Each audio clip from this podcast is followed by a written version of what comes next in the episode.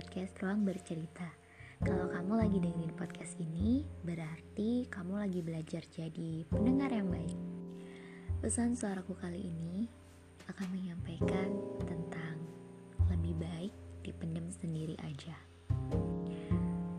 Pernah gak sih kalian ada di posisi bimbang dan mempertanyakan tentang kejelasan dalam suatu hubungan? Sama halnya dengan perempuan lain, aku tahu banget gimana rasanya mengagumi dan memendam itu semua dengan baik.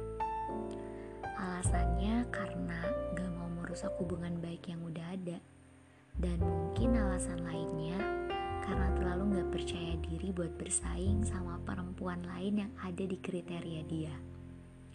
Wajar dan ya memang begitu. Laki-laki lebih menyukai perempuan yang masuk di kriteria dia daripada perempuan yang selama ini ada di sekitar dia. Pernah dengar tentang confess perasaan? Ya, confess atau mengungkapkan perasaan pada manusia yang kita kagumi dengan harapan akan ada hal baik untuk hubungan ke depan. Gak banyak manusia yang berani buat ngelakuin hal ini. Apalagi manusia dengan gengsi dan ego yang tinggi hanya manusia-manusia tertentu yang memiliki keberanian untuk melakukan ini, dan tentunya aku masuk dalam kategori manusia tertentu ini. Sebagai perempuan yang jarang tertarik lebih dulu pada laki-laki, cerita percintaanku hanya tentang menolak atau menerima mereka yang mengungkapkan perasaannya kepadaku lebih dulu. Dan tidak jarang aku menerima hanya karena terpaksa dan tidak ingin menyakiti. Tanpa aku sadari pada saat itu bahwa konfes perasaan tidak hanya tentang menerima. Karena kekaguman kerap membuat manusia serakah hingga memiliki niat untuk memiliki.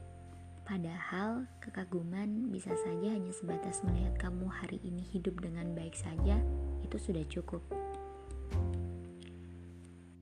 bahwa hal-hal yang kita sukai tidak sepenuhnya harus kita miliki. Bahwa memiliki adalah keegoisan tertinggi bagi manusia.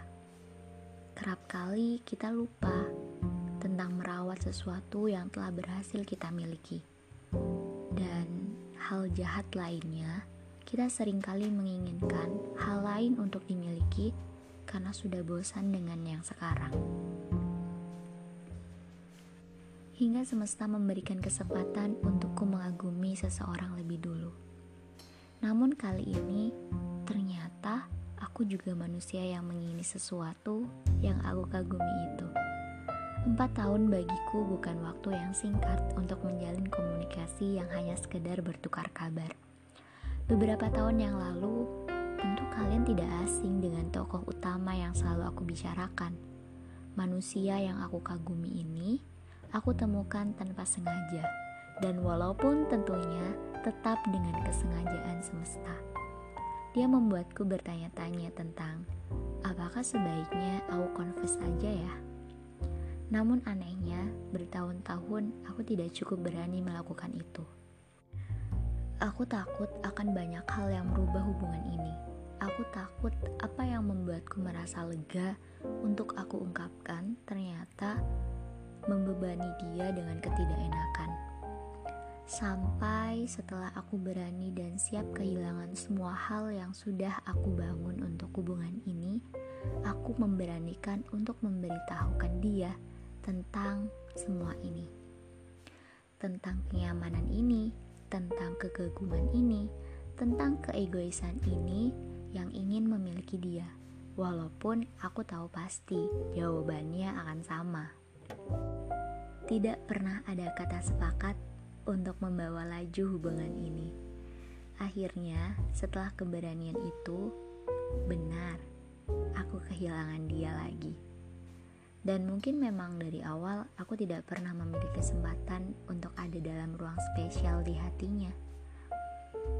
Karena kehilangan kesempatan untuk menanyakan semua ini langsung ke dia, aku memutuskan untuk mempertanyakan semua ini ke diriku sendiri.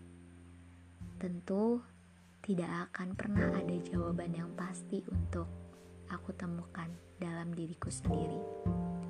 Berbicara soal penolakan, kamu tahu bahwa manusia yang jahat bukan mereka yang dengan lantang menolak, melainkan mereka yang dengan percaya diri membiarkan orang lain menebak tentang jawaban yang seharusnya mereka lontarkan. Ya, membiarkan semuanya samar, mengulur waktu, dan menganggap orang lain tak menunggu jawaban itu.